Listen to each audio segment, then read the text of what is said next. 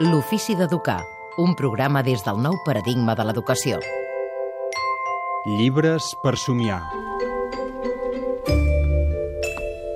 I els llibres per somiar tenim el Jaume Centelles, que és el nostre bibliotecari de capçalera, que avui em vol fer preguntes. Vol començar Sí. a fer preguntes? Vinga, Jaume. A veure com ho tens, això.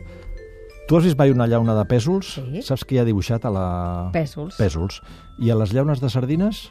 Qui hi ha Sardines, dibuixat? sardines. Sardines. Per tant, a dins hi ha I el sardines. paquet de cereals? Hi ha cereals i a dins hi ha cereals, sí. Per tant, si hi ha una vaca dibuixada al bric de llet, és que dins hi ha una, Clar, amb una lògica d'un nen, una vaca. una vaca, una efectivament. vaca, molt bé. Doncs d'això va el llibre. Ah, la, sí? la vaca del bric de llet. És un llibre que té forma de bric de llet, la Un portada... litre i té una vaca. Un, un litre i, bueno, i el segell de bio, que és Ah, sí. saludable. Exacte. I una vaca dibuixada. Per tant, és la història d'un nen que es fa aquestes preguntes. Què és una lògica de nens? Sí.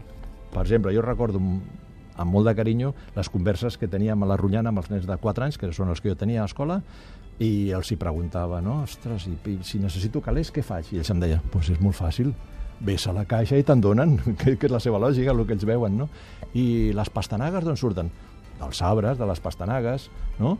I, I quan feia preguntes difícils, com per exemple com funciona un microones, eh, clar, eh, com no ho saps, tu inventes o així, no? I, i, I és sobre aquesta lògica infantil que està dissenyat aquest llibre. És la història d'un nen que es pregunta o que vol saber o que vol veure on està la vaca que viu a dins del bric de llet.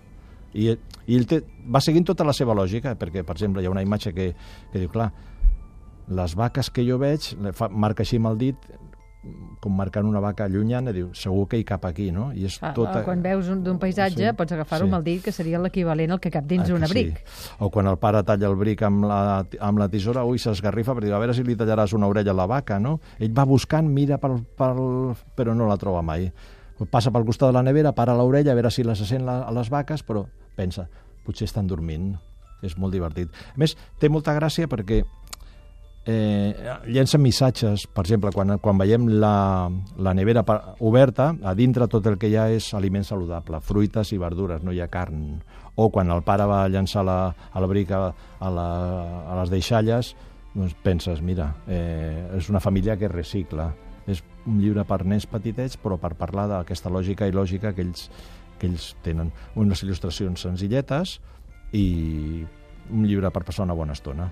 Doncs La vaca del bric de llet, de Sophie Adriansen i Mayana Itoiz.